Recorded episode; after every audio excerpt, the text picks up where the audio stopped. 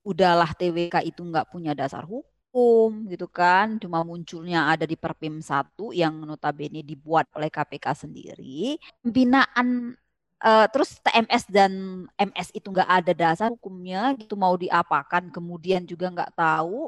Training ini atau pembinaan ini juga nggak ada dasar hukumnya. Di mana? Makanya kayaknya bingung juga ini mau melekatkan di pasal yang mana bahkan di Perpim satu gitu karena Perpim satu itu hanya ada orientasi yang dilakukan setelah uh, pegawai KPK itu dilantik dan itu dilakukan oleh LAN.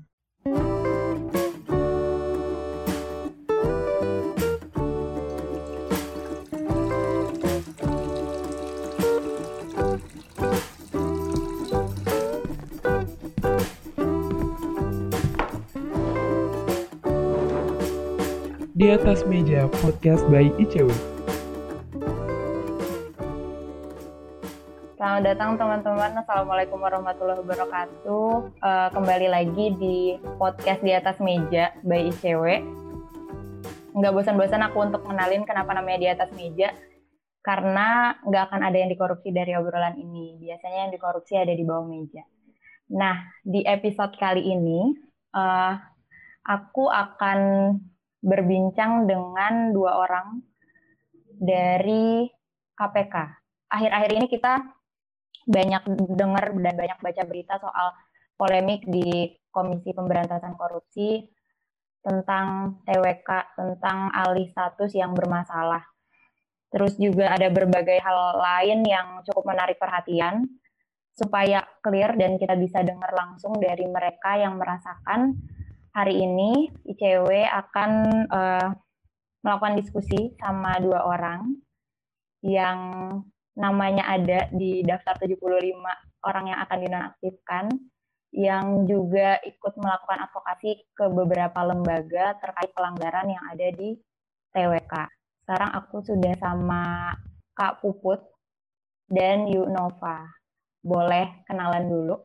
Iya. Eh, sebelumnya aku mau memuji, aku baru tahu di atas meja itu artinya bahwa tidak ada yang dikorupsi di podcast dan percakapan ini keren banget. Selamat ICW memilih nama yang sangat jos. Ya, aku Triartining Putri, biasa dipanggil Puput. Uh, di KPK uh, eh, di spesialis muda di Biro Hubungan Masyarakat. Sehari-hari ngurusin wartawan lah gitu intinya. Uh, dan masuk 75 betul sekali. Tidak tidak memenuhi syarat untuk diangkat jadi ASN dan tidak lolos tes wawasan kebangsaan. Silahkan Yunova. Ya, selamat sore. Uh, Puput tadi ngurusin wartawan, ngapain Put lo? Ngasih apa Put? Soalnya wartawannya gendut-gendut, jadi harus diurusin. Ya, perkenalkan nama saya Nova Riza. Saya eh silahkan dipanggil Nova. 14 tahun sudah bekerja di KPK sejak Indonesia sejak Indonesia memanggil dua tahun 2007. 14 tahun itu kerja di unit kerja sama KPK. Oh ya, masuk juga ke daftar 75 uh, yang kebetulan tidak TMS tidak memenuhi syarat uh, eh, TWK dan juga uh, aku sama Puput ini uh, pengurus inti dan pegawai juga begitu. Oke, uh, kabarnya gimana Yunova dan Kak Puput? Baik-baik saja hari ini? Baik, baik, baik, baik banget sih. Ini ini ya apa namanya uh, podcastnya ini kan santai aja kan kita ya. Maksudku uh, jangan di apa uh, takutnya tuh di diasumsikan kita tuh gloomy, bersedih. Ya sedih, prihatin. Iya, cuma maksudnya kita masih tetap berjuang dan mengadvokasi sana sini. Jadi sebenarnya posisinya sekarang adalah kita uh, penuh semangat ya yuk ya buat fight atas hak-hak dan kewajiban kita di KPK ya yuk. Yuhu, setuju sekali. iya betul. Itu jadinya Mima. Podcastnya santai aja, ceritain dan diskusiin apa yang perlu kita diskusiin aja. Nggak, maksudnya tidak harus kaku, nggak harus, iya tadi nggak harus bersedih. Kita cerita aja, kita saling cerita di sini. Nah. Betul, betul. Semangat. Iya, kemarin itu kan yang memang ramai adalah soal pertanyaannya. Pertanyaan TWK itu mendiskreditkan kaum perempuan, melecehkan banyak orang gitu, nggak cuma perempuan, laki-laki juga terus juga tidak berkorelasi dengan kerja-kerja KPK kan itu juga yang akhirnya jadi alasan teman-teman untuk melaporkan ya melaporkan ke beberapa pihak terkait yang diharapkan bisa menangani kasus ini. Untungnya kemarin nggak ada pertanyaan bubur diaduk atau nggak diaduk ya, karena kalau kayak gitu kayaknya nggak selesai-selesai itu. Iya benar-benar. Iya, iya, betul, betul. Nah, kalau teman-teman yang 75 ini kan uh, sudah banyak bersuara dan bilang kalau pertanyaan yang didapat tidak punya korelasi sama kerja uh, di KPK. Tapi sebenarnya pertanyaan itu juga didapat sama teman-teman yang lain nggak sih yang di luar dari 75 nama? Sempat mendengar. Yunova, Yunova duluan deh. Uh, aku yang Ya, senior ya, ya. kan Yunova IM2, aku Takut ya, IM11, takut yang jauh dengar yang banget, senior ya. jauh banget ya tuh. Sembilan angkatan gue di, di bawah Yunova. Monggo, monggo. Iya, eh, sesuai dengan walah, pemberitaan-pemberitaan gitu ya. Em, memang pertanyaan-pertanyaan yang didapatkan oleh peserta baik yang TMS dan tidak gitu eh, banyak poin-poin yang eh, nggak apas gitu ya. Yang pertama itu ada poin-poin yang eh, sifatnya itu ke apa ya ada tindak diskriminasi terhadap perempuan gitu dan pelecehan terhadap perempuan bahkan laki-laki gitu. Hmm. Terus ya belum lagi ada konteks pertanyaan yang eh, yang yang ke arah pelanggaran HAM. Bahkan ada pertanyaan-pertanyaan TWK tuh juga yang bertentangan dengan Pancasila itu sendiri gitu bahkan gitu loh.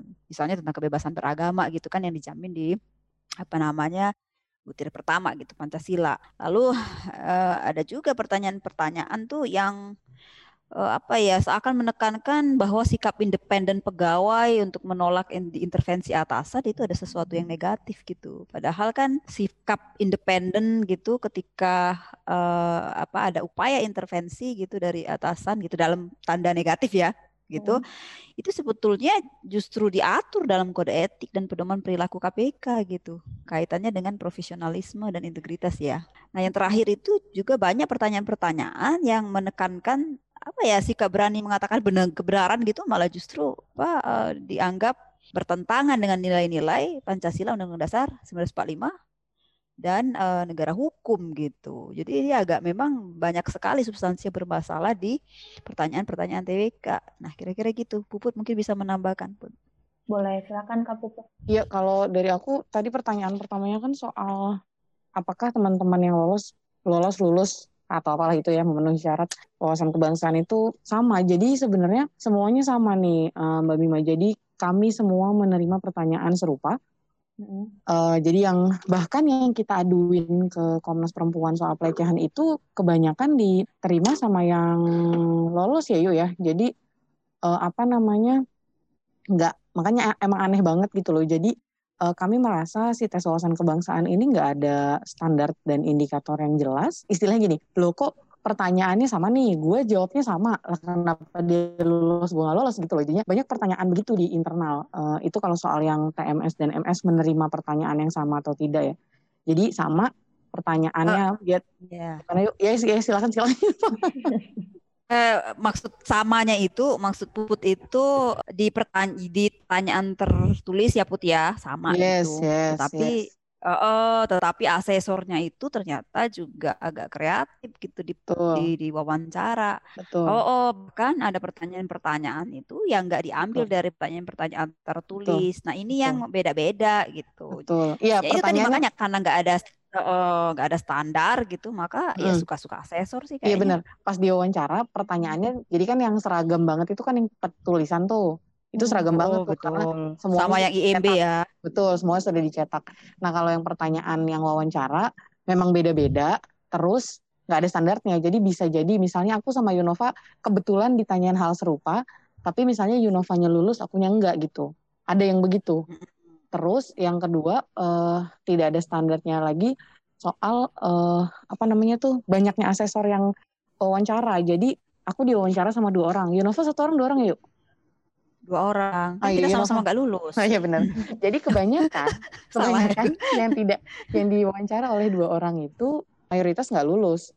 Jadi ada yang dua orang, ada yang satu orang. Kemarin kami ber, ber 75 ini sempat memetakan gitu. Eh, eh an- eh, kamu di ruang berapa? Kamu di ruang berapa? Jadi di di data gitu. Hmm. Puput di ruang berapa? Yunova di ruang berapa? Si A di ruang berapa? Si B di ruang berapa? Nah itu kalau dilihat kayak gitu petanya kelihatan tuh. Jadi rata-rata kami adanya di ruang dua yang diwawancara oleh dua orang dan rata-rata itu nggak lulus. gitu. Oke. Jadi memang eh, yang apa namanya tendensius banget ya kalau ngelihat petanya gitu. Jadi yang kita lihat jadi emang kayaknya udah dipetain namanya dulu, baru di eh, apa namanya ditentukan hasilnya gitu. Jadi eh, nggak peduli tuh akhirnya jadi jadi ini sebenarnya jadi menjawab loh iya ya kenapa gue jawab hal yang sama sama dia tapi dia lolos eh, gue enggak? Ya karena nama saya Triartining Putri ya karena namanya Yunova Novariza mungkin sudah memang sudah ditandain gitu. Itu dugaan ya dugaannya atas diskusi dan temuan-temuan kita bareng-bareng jadinya kelihatannya jadi seperti itu gitu. Terus kalau yang pelecehan sebenarnya pelecehannya kemarin pas kita laporin ke Komnas Perempuan juga kita udah utarakan bahwa apa namanya pertanyaannya tidak hanya melecehkan perempuan tapi juga melecehkan laki-laki. Karena laki-laki dan perempuan sama-sama ada yang menerima pertanyaan soal kenapa belum nikah masih punya hasrat atau tidak. Terus dituduh dituduh LGBT ditanya punya hasrat atau enggak nah tapi memang yang kalau dibilang ke- kekerasan seksualnya adalah yang cewek di, sampai ditanya kalau nikah sama saya mau apa enggak jadi istri kedua? Nah kalau yang cowok enggak. Kalau yang cowok yang menurutku lebih melecehkan adalah soal pernah nonton film porno apa enggak sama soal uh, free sex sikapnya terhadap free sex. Ya terus terus dia udah menyampaikan sikap, sikapnya terus ditanya trisam gimana? Orgi gimana? Itu kan apa ya yang nggak ada hubungannya gitu loh. Hmm. terus uh, apa apa iya untuk kemarin sempat ada diskusi juga apakah untuk dapat label berwawasan kebangsaan kemudian kita harus rela dilecehkan kayak gitu. Apakah iya negara harus sampai masuk ke ranah-ranah privat seperti itu gitu loh sampai ditanya itu kunut uh, sholat subuh pakai kunut apa enggak? Orang aku aja baru tahu lah soal ternyata kunut jadi pembeda uh, di Islam gitu ya. Karena selama ini gue mikirnya kalau lo nggak kunut ya karena lo nggak hafal aja gitu loh gue pikir karena tapi karena gue nggak hafal jadi gue nggak pernah pakai kunut dan itu bukan karena gue golongan tertentu gitu loh Iya jadi uh, akhirnya TWK ini kayak menyamarkan garis mana ranahnya negara, mana ranahnya privat, negara masuk ke ranah privat dan berdampak pada hasilnya gitu. Padahal kan iya. mestinya nggak seperti itu. Betul betul. Kami menganggapnya begitu ya. Oke. Nah kan pada akhirnya teman-teman dari 75 ini setelah memetakan, kemudian uh, melihat lagi ini janggal, kemudian memutuskan untuk mengadvokasi melaporkan ada laporan ke Komnas Perempuan dan ke Komnas HAM beberapa hari yang lalu. Hmm. Apa sih yang poin yang dilaporkan ke dua lembaga itu?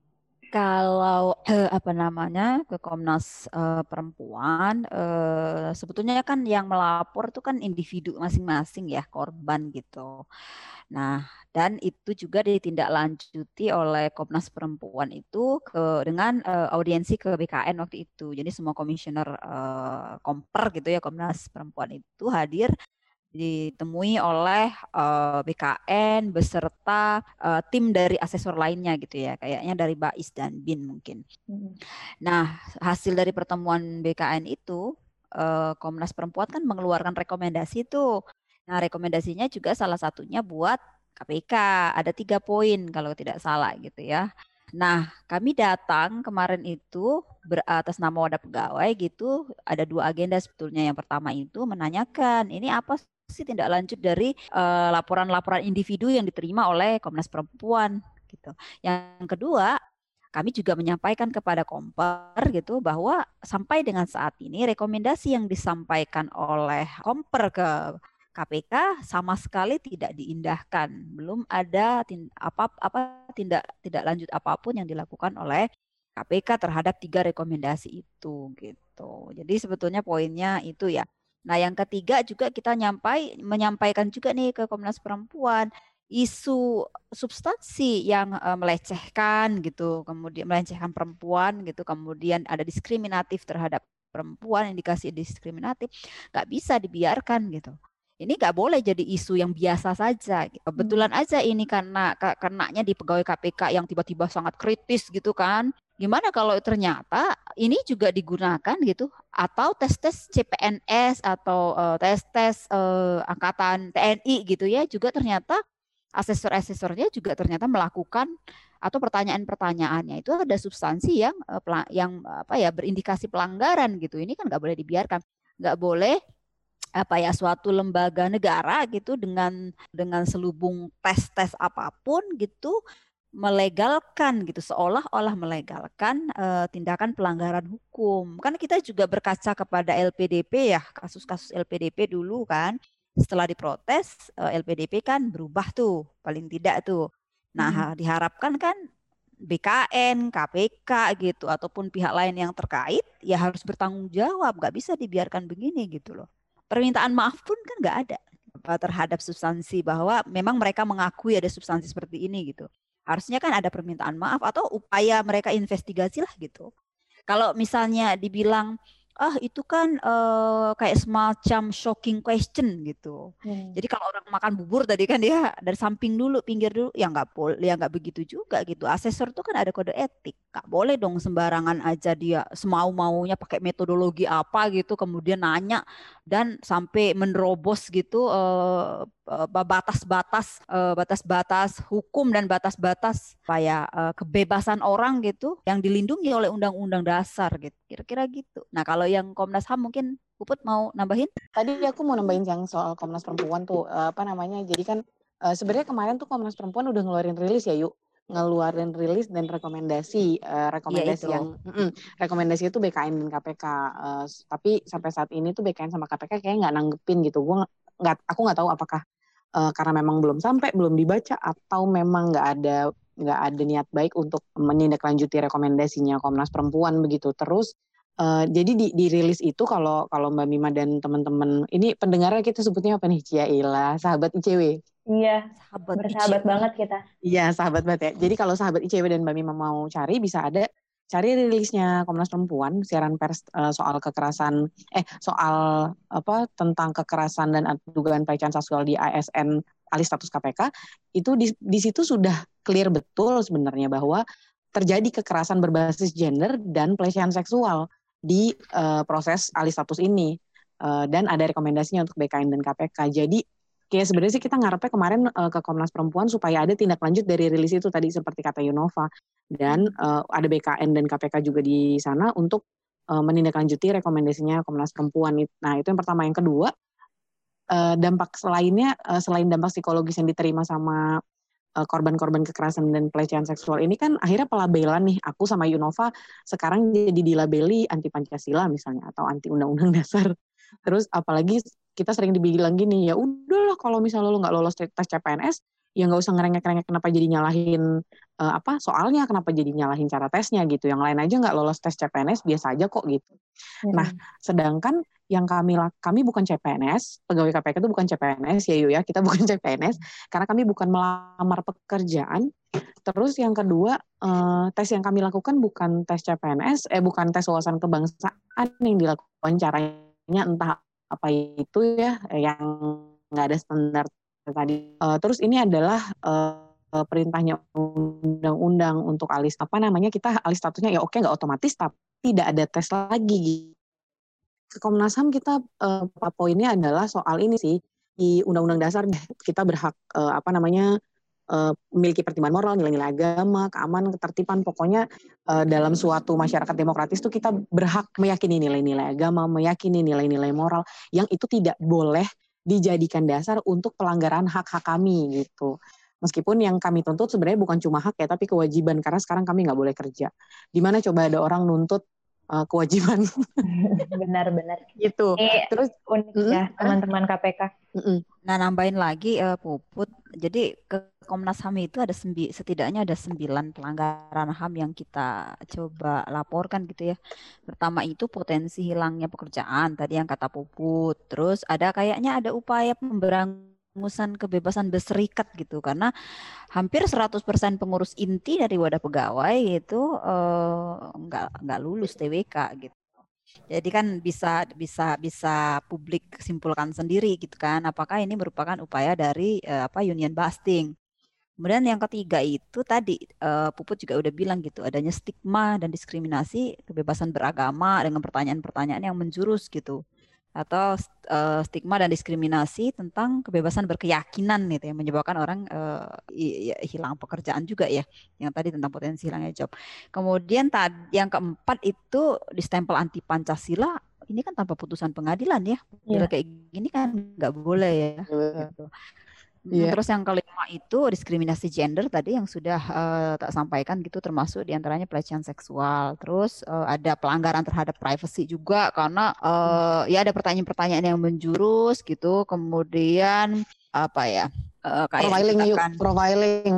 Oh, belum lagi itu belum lagi ada pertas ada diskriminasi tadi berdasarkan keyakinan. kemudian ada yang kesembilan itu serangan human right defender. Oke. Selain kedua Aha. lembaga itu, terbarunya apakah ada eh, langkah advokasi baru nih terdekat ini yang dilakukan ke lembaga lain atau gimana? Ya per hari ini aku sama Yunova tadi sama Bang Hotman Tambunan pergi ke Mahkamah Konstitusi untuk pengujian undang-undang eh, judicial review.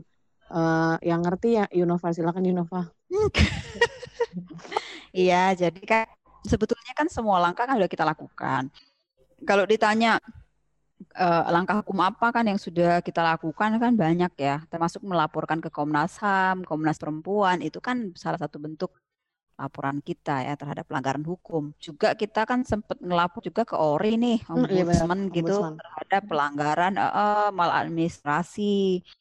Nah, hari ini gitu ini eh, tadinya sih kami tidak tidak ingin JR kita kita tunggu-tunggu dulu karena kami melihat ada niat baik gitu eh, presiden mau turun tangan dengan arahannya yang cukup tegas. Sayangnya eh, arahan presiden tuh kayaknya malah dianggap angin lalu gitu oleh eh, bawahannya gitu. Kepala BKN kan bawahan presiden tuh. Eka juga mau nggak mau karena sekarang masuk dalam rumpun eksekutif kan harusnya secara administratif kan harusnya mengikuti perintah presiden gitu. Makanya hari ini ya mau tidak mau demi kepastian hukum gitu kami eh, mencoba melaporkan, bukan melapor sih, mengajukan judicial review ke Mahkamah Konstitusi. Nah, ada sembilan pemohon.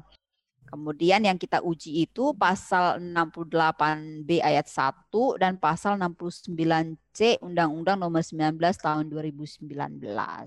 Jadi sebetulnya ini tuh kayak upaya apa ya kita untuk memperkuat putusan Mahkamah Konstitusi nomor 70 tahun 2019 yang secara tegas itu menjamin hak pegawai KPK yang tidak boleh berubah karena adanya peralihan status pegawai KPK menjadi aparatur sipil negara. Gitu kira-kira Mbak Mima Oke. termasuk juga Suti eh, kita eh, apa namanya mengujinya kan ke juga ke Undang-Undang Dasar ya kan menguji kan ke Undang-Undang Dasar gitu termasuk juga tentang pasal 28D ayat 2 Undang-Undang Dasar 1945 gitu bahwa penilaian dari TWK jadi pasal 69C itu digunakan gitu menjadi digunakannya hasil penilaian dari TWK sebagai dasar untuk menentukan seorang diangkat atau tidak diangkat menjadi ASN. Ini kan merupakan tindakan yang menyebabkan tidak terpenuhinya jaminan konstitusi terhadap perlakuan yang adil dan layak dalam hubungan kerja. Jadi sebagaimana pasal 28D ayat 2 Undang-Undang Dasar 1945. Itu kira-kira. Oke, berarti secara hukum teman-teman ini sudah mengupayakan banyak cara ya. Karena memang ya tadi tidak hanya memperjuangkan hak, bahkan memperjuangkan kewajibannya juga. Karena ini dianggap tidak baik-baik aja, sudah banyak jalur yang ditempuh. Kemudian kan betul, betul. eh iya, setelah 75 nama muncul juga di media bahwa terbagi lagi menjadi 24 dan 51. 24 itu katanya akan dibina dengan kode-kode warna versi BKN dan KPK itu ya merah, kuning dan hijau. Nah, untuk 24 nama itu apakah nanti ketika mereka benar dibina nih mereka akan ik- tetap ikut advokasi yang sekarang lagi berjalan di berbagai lembaga itu atau gimana? Kalau soal 24 sama 51 itu ya, kami belum terima namanya yang pertama itu, belum terima namanya siapa yang masuk 24, siapa yang masuk 51. Yang pertama itu, yang kedua, pertimbangan orang eh, akan beda-beda nih. Tidak semua 75 orang ini deket Eh, kayak aku kan bersahabat sama Yunova kayak aku bersahabat sama ICW. Tapi kalau sama 75 yang lain kan aku tidak mengenal baik secara personal, maksudnya deket apa enggak. Nah, jadi kalau ditanya, apakah nanti kemudian ketika sudah ketahuan 24 sama 51, apakah yang 24 akan tetap bergabung sama yang 51? Ikut advokasi atau enggak? Itu yang itu belum tahu. Eh, yang kedua, nah, meskipun sekarang, meskipun kita ada tujuh, terbagi dua nih, eh, tes gara-gara tes wawasan kebangsaan yang aneh ini uh, kami terbagi dua antara 75 dengan 120 1274 uh, meskipun yang 1274 kemarin sudah ada 700 yang meminta pelantikan ditolak tapi tetap uh, dilantik. Maksudnya tetap pelantikan tetap jalan tapi teman-teman sudah mengusahakan itu. Aku yakin nanti meskipun udah 5124 yang 24 akan tetap fight bareng kami hmm. nah tapi kalau eh, nggak uh, tahu nih nanti ada pertanyaan ya nggak uh, oh, terus Puput kalau misalnya mau masuk 24 mau dibina nggak nih yang warna-warna tadi gitu nah ini akhirnya kalau kalau aku pribadi ya menilai uh, si 24 ini kalau misalnya uh, tetap jadi dia tetap uh, masalahnya gini yang kita permasalahin itu kan si tes wawasan kebangsaannya ya. uh, prosesnya nggak benar pertanyaannya aneh gitu ya nah ketika ada 2451 dan 24 dibina ini tetap melegalkan si praktek-praktek yang tadi kita lagi usahakan di jalur hukum nih soal si tes ini nih yang harusnya tidak melabeli orang gitu. Nah, dengan adanya 75 itu udah pelabelan. Ntar ditambah lagi nih 5124 bahkan ini lebih parah lagi kan yang 51 ini dibilangnya sudah merah tidak bisa dibina kayaknya musuh negara gitu loh padahal koruptor-koruptor yang ditangani sama KPK itu uh, yang masuk suka miskin namanya warga binaan. Even kami disebut tidak bisa dibina. Nah artinya kan yang 51 uh, eh, maksudnya ketika ada 5124 itu tidak mengobati apa pun, tidak menjawab apa pun dan tidak menjadi solusi atas apa pun yang sedang kami perjuangkan sekarang. Gitu. Jadi kalau tadi pertanyaannya adalah nanti 24 ikut fight apa enggak? Aku yakin uh, eh, 24 ini akan ikut tetap fight bareng kami tapi terus uh, aku menolak adanya uh, tadi si 24 5 eh dia benar 2451 itu gitu bukan bukan berarti terus oh ini udah di udah dikabulkan dalam tanda kutip istilahnya ada yang diselamatkan lalu mau dibina malah nggak mau bukannya nggak mau belajar wawasan kebangsaan ya, tapi uh, keanehan-keanehan dan kejanggalan-kejanggalan di TWK itu. Oke. Okay. Gitu. Uh, Yunova ada tambahan? Uh, ini sih aku uh, ya tadi itu kan hak masing-masing orang ya untuk uh, memang kalau mau ikut pembinaan gitu. Tapi persoalannya sih bukan itu. Publik juga harus melihat gitu. Tadinya ada 75 gitu kan yang merah publik ribut gitu apa pegawai KPK ribut yang MS terus bilangnya juga dari 24 Pak Nur Gufron juga bilang ada satu yang merah yang diselamatkan. Kenapa harus satu yang merah diselamatkan? Karena ada ada apa dengan 50 merah lainnya sehingga nggak diselamatkan? Atau ada apa satu merah diselamatkan? Ini kita kayak dipertontonkan dengan apa ya dagelan gitu. Ini kok nilai apa eh, penilaian bisa berubah-ubah kapan pun gitu kan. Jadi ini sebetulnya indikatornya gimana sih gitu kan? Jelas nggak sih gitu? Jangan-jangan lagi sibuk dibuat nih uh, indikatornya gitu kan. Kemarin nggak ada, kemudian lagi sibuk-sibuk dibuat. Nanti ribut lagi, dibuat lagi, nanti dibuat lagi gitu kan. Uh, ini yang yang yang yang perlu dicermati gitu. Jadi bukan soal 51 atau 24, tapi kenapa harus apa berubah-ubah gitu itu sih hmm. sebetulnya ya silahkan publik menilai gitu mbak Mima iya uh, menariknya jadi si pihak yang kan TWK ini juga masih kita masih bingung ya sebenarnya tanggung jawab siapa gitu lempar bola sana sini. Uh, itu pun akhirnya memainkan istilah-istilah yang tadi diselamatkan seakan-akan dia sebetulnya memang salah dan diampuni gitu. Diampuni jadi bisa masuk lagi. Kemudian dengan istilah-istilah lain mengkotak-kotakan membagi ke beberapa kelompok. Nah, kalau sampai sekarang nih apakah sudah ada informasi nantinya bentuk pembinaannya akan seperti apa sih? Atau ya sudah baru sampai ke informasi akan dibina? Uh, sampai dengan saat ini kan bahkan kita kan nggak tahu nih yang 24 itu siapa. Memang tadi pagi sih uh, cerita teman-teman ada beberapa nam, ada beberapa orang 15 lebih kali ya. Uh, orang mendapatkan email untuk briefing hari ini yang kemudian di cancel. Jadi mungkin disinyalir yang mendapatkan email untuk diskusi gitu atas uh, arahan BKN katanya begitu bunyinya ya, Bu uh, disinyalir yang masuk 24. Tapi kalau secara resmi sama sekali kita kan nggak dapat informasi. Nah, yang apalagi kapan mereka akan dibina gitu kan dibina dibina nah uh, yang kedua gitu kalau kita merujuk lagi ke dasar hukum gitu udahlah TWK itu nggak punya dasar hukum gitu kan cuma munculnya ada di Perpim 1 yang notabene dibuat oleh KPK sendiri. Pembinaan uh, terus TMS dan MS itu nggak ada dasar hukumnya gitu mau diapakan kemudian juga nggak tahu. Training ini atau pembinaan ini juga nggak ada dasar hukumnya. Di mana? Makanya kayaknya bingung juga ini mau melekatkan di pasal yang mana bahkan di Perpim satu gitu. Karena Perpim satu itu hanya ada orientasi yang dilakukan setelah uh, pegawai KPK itu dilantik dan itu dilakukan oleh LAN jadi memang bingung juga pasti gitu kan organisasi ini dasar hukumnya mau membina 24 orang ini pakai dasar yang mana? Yang nggak ada. Itu aja jawabannya. Gitu Mbak Mima oke. Pak Puput ada yang mau ditambahin?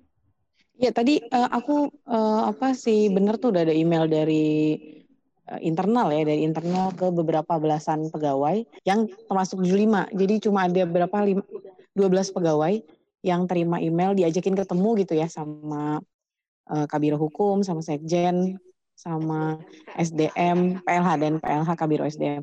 Tapi beberapa jam kemudian emailnya ditarik lagi. Nggak tahu tuh kenapa.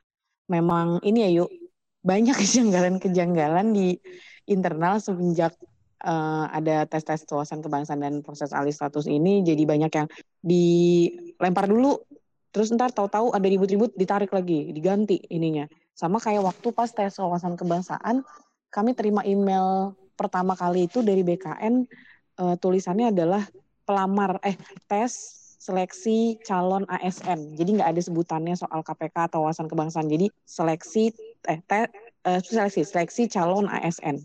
Tapi terus kemudian ditarik lagi, uh, terus diganti jadi assessment tes wawasan kebangsaan KPK. Jadi memang tadi yang aku bilang temuan-temuan uh, kita uh, belejetin gitu ya uh, fakta-faktanya satu-satu. Jadi emang kayak orang terburu-buru, kayak nggak hmm. ada konsep dasarnya dan selain nggak ada konsep dasarnya dan tadi Teh Yunova bilang nggak ada dasar hukumnya, terus nggak punya mekanisme yang benar, yang benar, yang berkelanjutan gitu ya. Misalnya uh, kalau misalnya memang sudah disiapkan tes wawasan kebangsaan ini ada yang lolos dan nggak lolos, harusnya harusnya ya kalau secara logika kalau misalnya aku dan Yunova uh, si 75 ini sudah tidak lolos ya udah nggak lolos aja gitu loh. Dan langsung diumumin aja kan, nih 75 lu kagak lolos maka nggak bisa jadi pegawai KPK. Titik udah. Kenapa tadi kata Yunova? Akhirnya kenapa bisa ditawar-tawar? Kenapa akhirnya bisa dinego? Kenapa berubah-ubah? Terus kenapa pas udah ada namanya 75 nggak langsung diumumin? Terus ini aja sekarang 24 dibinanya mau kayak apa tadi pertanyaannya pun kami nggak paham karena ketika sudah diumumkan 25 Mei kalau nggak salah ya 51 sama 24 sampai sekarang udah berapa hari tuh eh, hampir seminggu juga belum ada 54 eh 51 itu siapa 24 itu siapa begitu Mbak Mima. Oke. Menarik ya. Terus ada angka baru lagi 12 yang dapat email. Betul. Angka sekarang. berapa lagi yang akan muncul ke kita? Iya, iya. Nah, uh, kalau di kondisi internal, kan sekarang Yunova Kapuput masih ke kantor ya? Masih, masih. Sambil Uh, sambil mengadvokasi tapi juga ke kantor ada tanggapan tertentu kah dari internal uh, melihat upaya advokasi yang dilakukan 75 nama ini atau bagaimana situasinya di internal KPK sekarang? Silakan Put. Seperti... Aku soalnya cuti, jadi sejak uh, SK non aktif memutuskan untuk cuti, jadi habis juga sih cutiku jadinya. jadi nggak hmm. nggak relatif nggak ke kantor lama ya Put ya. Iya iya, sekarang kita di uh, apa di C1 ininya ngumpulnya. Jadi mm, kalau respons advokasi sebenarnya itu teman-teman kan yang kemarin juga kita lihat di media ada 700-an orang yang minta pelantikannya ditunda dan bahkan ada beberapa eh, ada jumlah yang sama juga untuk meminta uh, ke presiden katanya ya kan. Nah, itu uh, bukan kami yang menggerakkan tentu saja.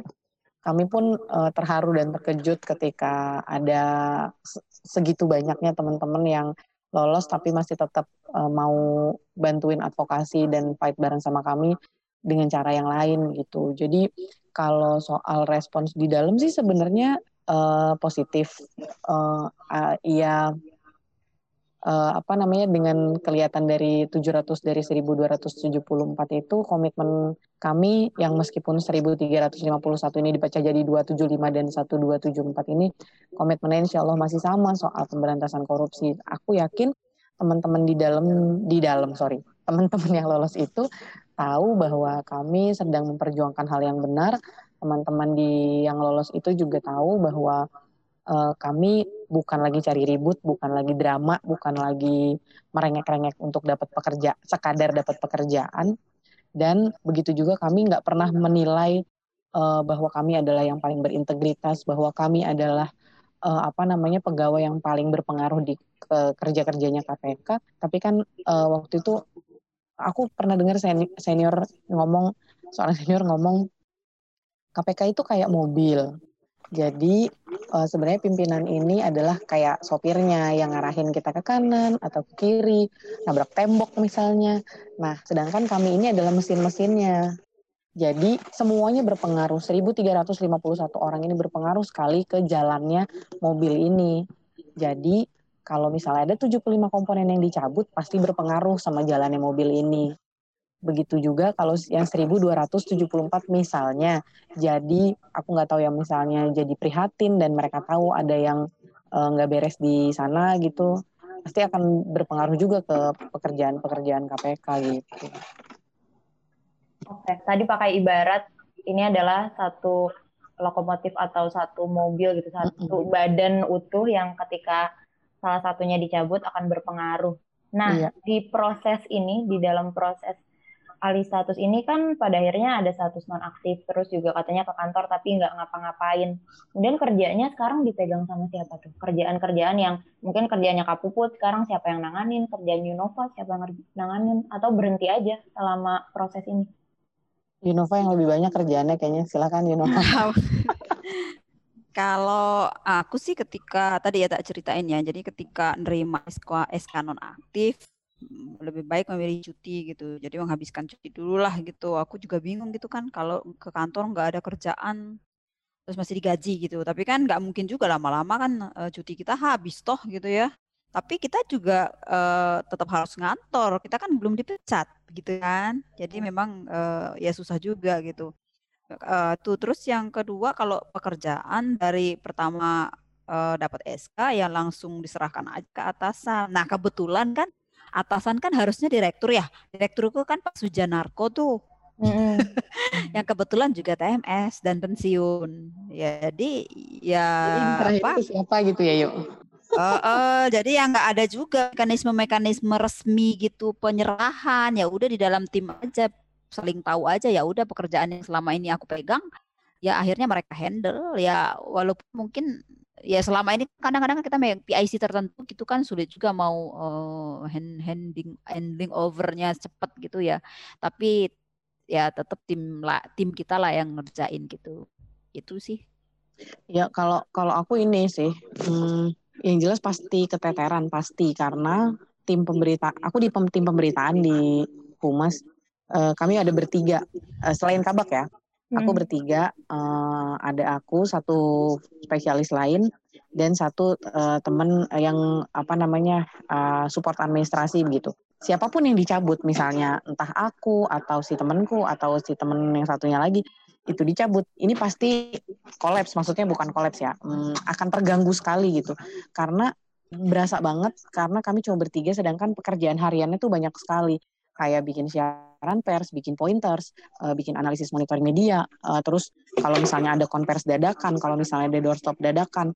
Terus selain itu kami juga punya dua program besar. Program yang aku pegang itu Akademi Jurnalistik Lawan Korupsi yang uh, harusnya udah dibuka pendaftarannya 1 Juni harusnya. Dan udah dibuka sama pimpinan harusnya 20 Mei kemarin. Tapi uh, belum jalan nih. Setahu aku belum jalan. Uh, jadi uh, ini bu ya tadi balik lagi Mbak Mima ini bukan soal Triartining Putri yang diambil atau Yunova yang diambil yang dinonaktifkan.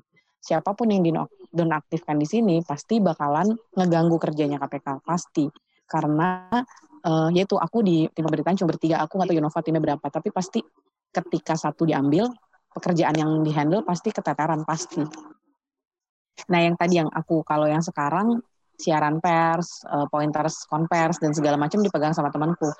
Itu harus di-handle segera ya karena kan emang sifatnya harian.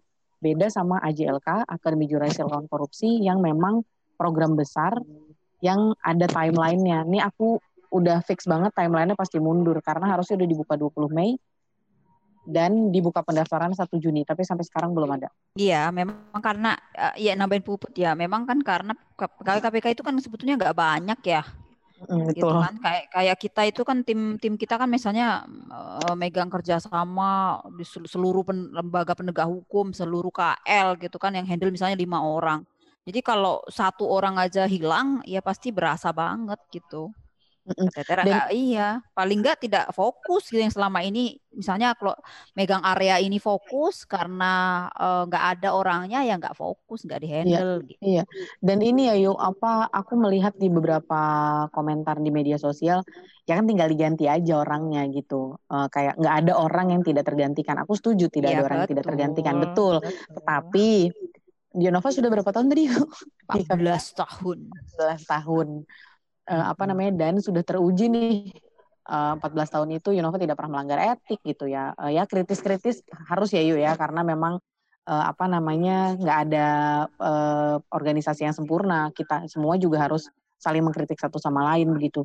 Uh, cuman kan apa iya terus 14 tahun pengabdiannya Yunova harus diabaikan atas uh, hasil tes wawasan kebangsaan yang berapa hari kemarin yuk dua hari ya yuk ya Yo eh. Dua hari. 14 tahun versus dua hari yang didengerin yang dua hari nih. Aku sih baru empat tahun meskipun nggak nggak ini juga ya nggak karela juga. Terus habis itu uh, apa namanya empat tahunku diganti dengan dua hari tes wawasan kebangsaan yang prosesnya kita tahu sangat mencurigakan. Oke, okay. uh, memang aku mendengarnya pun bingung ya, kenapa bisa terjadi seperti ini. Betul sekali. Banyak sekali hal-hal yang nggak perlu mungkin masyarakat umum juga mestinya bisa melihat sendiri oh ini nggak baik oh ini salah dan lain-lain oh ini janggal dan lain-lain gitu. nah selama proses advokasi ini aku juga sempat mendengar kabar bahwa uh, mereka yang melakukan advokasi bukan hanya sudah dilabeli, sudah dilabeli anti Pancasila karena masuk 75 nama yang dinonaktifkan. Kemudian ketika melakukan advokasi dibilang e, sudahlah kalau udah nggak lulus nggak ya udah nggak lulus aja nggak usah memaksakan gitu. Terus apakah ada hal-hal lain? Mungkin itu maksudnya ke cyberbullying gitu ya mm. masyarakat membuli mereka yang melakukan advokasi. Tapi ada hal lain nggak sih yang berkaitan dengan keamanan teman-teman 75 ini juga terganggu keamanannya ketika melakukan advokasi? Yunova mungkin mau cerita yang kemarin itu banyak kayaknya cerita Yunova. enggak sih, enggak sih, enggak enggak seheboh dulu revisi undang-undang ya. Dan capim. Cuma memang uh, teman-teman juga uh, ada apa namanya uh, hack-hack gitu ya. Di hack juga banyak gitu kan. Tokoh-tokoh uh, anti korupsi yang mendukung KPK juga banyak di hack teman-teman kita juga ya Put ya? Ada ya, beberapa ya, yang ya. di hack ya? Ada ada oh, beberapa. gantian ada, sih kalau kami kalau kami nggak kayak ICW yang sekaligus satu kantor. Oh. Dan bahkan juga kemarin tuh disinyalir gitu ada juga yang uh, buntutin kita gitu, hmm. yang ngaku-ngaku dari Polda begitulah kira-kira. Mungkin itu ini kali yuk fans kan Yunova sekarang uh, udah hadir oh, di iya, beberapa iya, mungkin TV mau minta gitu ya. tanda tangan sama gua. Iya, mungkin ya kan. Ya. Aku Bisa jadi kita udah udah curiga padahal curiga. dia udah bawa kertas sama pengen foto bareng ya kan. Uh, tapi kok ngaku dari Polda? Oh, ya sudah lupakan lah. Tadi terlalu maniak. iya jadi apa namanya kalau soal apa tadi keamanan iya sih ada beberapa bukan ancaman ya uh, karena nggak nggak langsung konfrontatif gitu. Tapi memang ada beberapa tadi yang aku bilang ada beberapa teman yang handphonenya udah upaya di hack sama tuh apa namanya kalau kalau teman-teman ICW bilang uh, apa intensif ditelepon sama nomor asing yang sangat beruntun begitu. Aku kemarin sempat juga cuman uh, karena udah belajar dari pengalaman tahun 2019 saya sudah tahu caranya bagaimana tetap ditelepon begitu tapi internet saya tetap aktif jadi aman. Jadi uh, cuman ternyata Mas Febri yang sekarang di visi di visi integritas law office itu yang ngajarin aku malah kena kemarin tuh. Uh, apa namanya kena hack kan? Mm. terus Pak Koko kalau yang kalau yang dari dari kami tuh ada Pak Koko.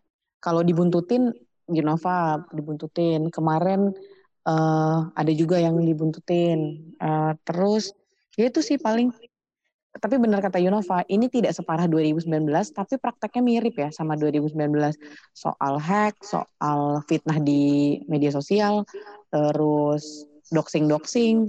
Nah, kalau oh doxing sama demo bayaran, hmm. uh, keamanan, keamanan tuh doxing kan termasuk keamanan ya. Uh, ada dua teman kami yang di doxing, lucunya mereka di doxing pakai materi pertanyaan. Harusnya kan yang tahu materi pertanyaan dan jawabannya itu kan cuma asesor dan si temanku dong. Iya. Nah ini materi pertanyaan dan jawabannya jadi materi doxing. Udah ada dua orang. Ya berarti dibocorkan ya Put ya? Ada yang membocorkan ya, dong. Antara oh. ada yang membocorkan atau pelaku doxingnya si asesornya kali. iya kan nggak mungkin dong apa namanya dapat dari mana tuh ya. kalau buzzer doang gitu kan. Yes, yes. Jadi itu tuh udah ada doxing. Kita juga dulu kan sempat di doxing juga tahun 2019. Kalau 2019 Instagramku keambil waktu itu, yang followersnya cuma 600. Kayak ngaruhnya apa sih? Nah, ini aku bingung apa yang 75 apa yang kami lakukan sampai kami dibegituin gitu loh. Bahkan kemarin sampai sekarang sih, sampai sekarang gedung merah putih KPK dijaganya udah kayak mau ada tamu dari luar angkasa kayaknya. Iya benar-benar. Um, gitu. Kayak ancaman banget gitu ya. Padahal ya. justru 75 ini yang lagi diancam lewat berbagai Betul cara. sekali. Dari tadi kan kita ngobrol juga receh-receh aja kan ya Mbak Mima. Hmm, ada yang kita ngapain gitu. Uh, merencanakan suatu hal iya. besar gitu. Betul sekali. Tapi itu jadi catatan dan kita perlu tahu bahwa polanya berulang. Betul.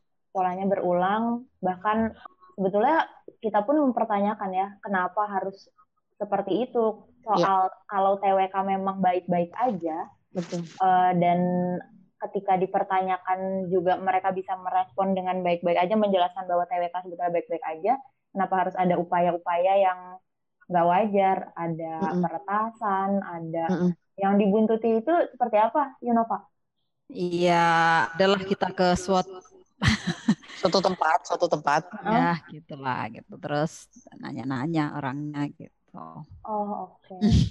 Tapi nanya-nanyanya nggak langsung ke Yunova. Jadi langsung. nanyanya Cuma ke kan pos, orang yang ditanyain. Ke pos pengamanan. Oh. Mm -mm. Bener nggak tadi ada tamu katanya? Gitu. Oh, itu kan ya gitu ya. Gitulah pokoknya. Saya mau foto bareng gitu, gitu kali. Dari Polda. Iya mungkin Gak salahnya gua. Parah ya. Jadi ya. mungkin ini bisa kita jadiin satu series drama ya banyak banget nah, iya, drama dramanya. Oh, betul, betul banget. Nah, Jadi kayak karena 75 apa gitu. Iya, betul. Nah, uh, karena tadi sebetulnya udah berulang, udah pernah, tapi dari teman-teman 75 nih yang merasa atau memang apa ya keamanannya terganggu dalam proses hmm. ini selama beberapa hari ini, hmm. ada kekhawatiran lain nggak selain atau memang sudah biasa dengan ini? Atau ada kekhawatiran kita nggak bisa nih kalau kayak gini terus karena akan ke mana ke mana gitu Enggak sih ya, nggak tahu you know enggak sih ya, ya bukan udah biasa sih. Kekhawatiran individu maksudnya, secara iya, individu. Mm, secara individu. Atau mungkin malah jadi menjalar ke keluarga gitu, kekhawatiran-kekhawatiran gitu ada nggak sih? Ya, enggak sih ya. Maksudnya uh, kita emang berbuat apa sih gitu ya.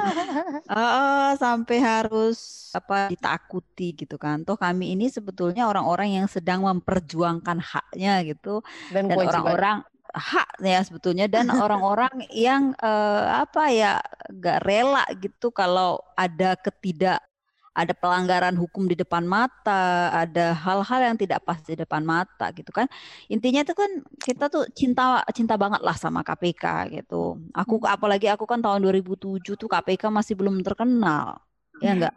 Jadi gimana ngerasain KPK itu mau dibangun dengan nilai-nilai egaliter, profesionalisme, persistensi dan lain-lain gitu aku sih udah ngerasain dari awal sampai perubahan sampai dengan saat ini gitu betapa uh, sulitnya kita menjaga apa pondasi KPK karena kan serangan banyak banget Jadi kekhawatirannya lebih ke ke situ gitu loh. Aduh, aku mungkin nangis gitu kalau ngelihat KPK ini hancur gitu ya.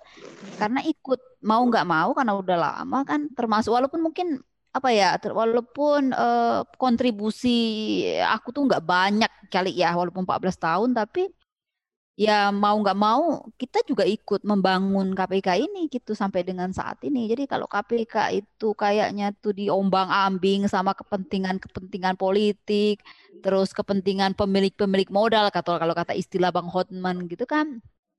Terus sementara rakyat sudah berdarah-darah gitu membela gitu kan. Ingat nggak demo waktu itu revisi undang-undang KPK yang Iya. aduh gila itu banyak banget yang memakan korban gitu kan.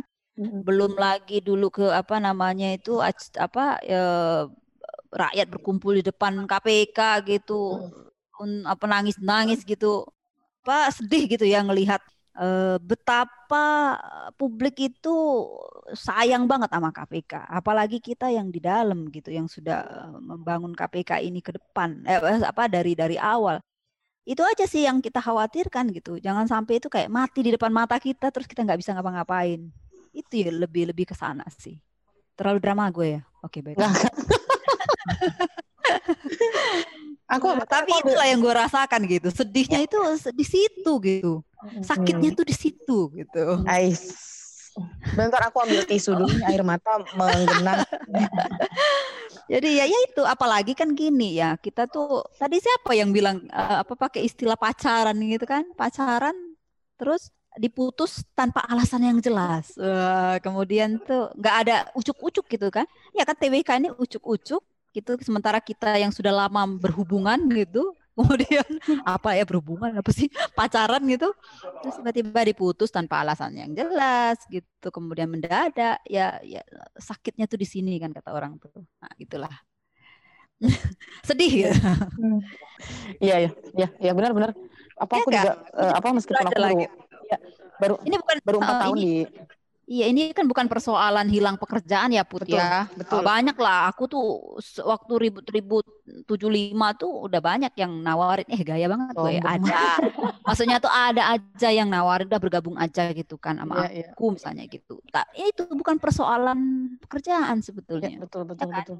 Betul, Oh, gitu. betul sekali. Jadi eh, memang ya itu tadi yang Yunova bilangin. eh, itu kekhawatiran kami 75 kenapa makanya jadi segitunya sampai ke Komnas HAM, sampai ke Ombudsman, sampai ke MK, sampai ke Komnas Perempuan. Kita sayang sama KPK, kami kita semua sayang sama Indonesia. Ya mungkin terdengar klise terus apa sih nggak jelas banget. Udahlah ini mungkin ini soal perut lo aja pada gitu kan. Bener kata Yunova, aku tahu betul eh, ada beberapa senior-senior dan teman-temanku yang udah dapat tawaran yang bahkan gajinya di atas di, di atas KPK tapi ditolak karena memang pengen jagain KPK, pengen ngejagain Indonesia dan KPK sekarang masih jadi harapannya publik gitu ya eh, sebelum ada TWK ini. Gitu sih. Jadi sebenarnya memang yang kita jagain kan KPK yang tadi dibangun nilai-nilai yang tadi Yunova sebut begitu. Dan sekarang lagi ada praktek ke sewenang-wenangan, praktek-praktek yang tidak benar di KPK dan kami lagi berusaha untuk ngasih tahu publik eh, bahwa lagi ada yang nggak benar nih gitu. Jadi eh, hasil akhirnya mau nanti ujungnya kita beneran dipecat atau dilantik, itu yang kita perlu perhatikan adalah tadi itu eh, apakah si nilai-nilai yang tadi Yunova sebutkan itu bisa kita pertahankan dan kita bisa terusin ke depannya gitu. Jadi kita harus sama-sama jagain KPK, sama-sama jagain uh, pemberantasan korupsi supaya semangatnya tetap sama kayak tahun 2007 pertama Yunova bergabung bahkan sebelum terkenal gitu. Jadi memang uh, menyakitkan memang dan bahkan sebenarnya sebelum tes ini aku ini apa udah ngajuin resign sebenarnya karena aku merasa tes ini tidak seharusnya dila- di, di, diadakan untuk seluruh pegawai KPK karena aku merasa ini adalah tes ini adalah penghinaan seolah-olah eh, kami yang di KPK yang Yunova dari M2 tahun udah berapa 16 17 tahun no 14 tahun itu eh, sudah mengabdi ke KPK bahkan KPK sebelum terkenal. Bahkan kan ada yang sempat sempat nggak digaji atau gajinya kecil sekali masih tetap stay masih tetap memberantas korupsi apakah pengabdian senior-seniorku di KPK tidak cukup untuk membuktikan bahwa itu kesetiaan terhadap Pancasila, kesetiaan terhadap Indonesia, kesetiaan terhadap negara ini gitu loh.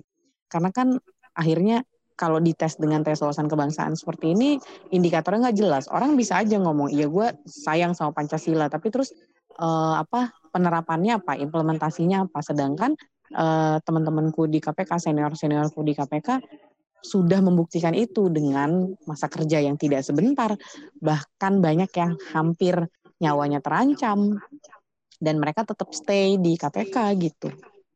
Gitu sih. Iya, terasa sekali ya sedihnya karena sudah merasa memiliki, membangun, merasakan semuanya, semuanya dalam artian uh, ya tadi kata Yunova dari belum dikenal dari mulai membangun sistemnya gitu senang sedih udah bareng-bareng di sana. Terus tiba-tiba harus keluar tanpa alasan yang jelas. Dan alasannya pun nggak bisa kita minta gitu. Ketika kita minta penjelasan nggak ada. Nggak ada. Sampai sekarang nggak ada titik terangnya juga. Ya, um, obrolannya aku rasa menarik. Tapi kita nggak bisa teruskan terlalu panjang. Jangan ikut sedih dong Mbak Mima kayaknya kayaknya tuh sudah ah, ah suaranya kok udah mulai begitu gitu loh. Ini ada tisu, ada tisu nih, ada tisu. Padahal di awal bilang kita kita nggak sedih-sedih loh, iya. gitu. Tapi sedihnya kan beda. Ya, ya benar, benar, benar. Nanti teman-teman yang mendengarkan juga boleh kemudian merespon atau mengirim DM ke ICW bagaimana ekspresinya setelah mendengarkan cerita-cerita yang dari mereka yang mengalami langsung sedikit aku simpulkan bahwa advokasi ini upaya mereka untuk melaporkan upaya teman-teman di sini untuk melaporkan ke Komnas HAM, ke Komnas Perempuan, kemudian ke Ombudsman itu bukan semata untuk kepentingan pribadinya, kepentingan pribadi dalam artian ya mestinya saya lulus atau yang lainnya, tapi ada hal lain yang uh, perlu kita perjuangkan sama-sama yang nggak bisa kita biarin karena kalau dibiarin akan berulang akan semakin banyak orang-orang yang dilanggar hak asasinya dengan sesuatu yang nggak bisa dijelaskan juga sebetulnya itu tujuannya apa dan untuk siapa atas kepentingan siapa. Itu kurang lebihnya. Aku mau ngucapin terima kasih ke Yunova dan Kak Puput sudah meluangkan waktu untuk ngobrol di podcast ini Ya, sama-sama, uh, sama-sama di atas meja. Sama-sama, Mbak Lima. Di atas meja keren. Sudah Namanya mendengarkan keren kita. ya. Uh, semoga apa yang kita upayakan bisa lancar ya dan hasilnya bisa sesuai sesuai dalam artian sesuai keadilan sesuai hak-hak yang memang harus kita dapatkan gitu Betul. dan bisa jadi pelajaran untuk semua masyarakat bahwa ada yang nggak baik-baik aja Betul. Dan semuanya berlangsung di atas meja, jangan di bawah meja, begitu. Betul, karena kalau di bawah meja kita nggak tahu sebetulnya apa sih yang lagi dilakukan ya. atau ada apa di bawah meja itu. Iya, setuju sekali. Oke, sehat-sehat terus Yunova dan Kak Puput. Semangat terima kasih. Terima kasih Mima, terima kasih ICW, terima kasih sahabat ICW.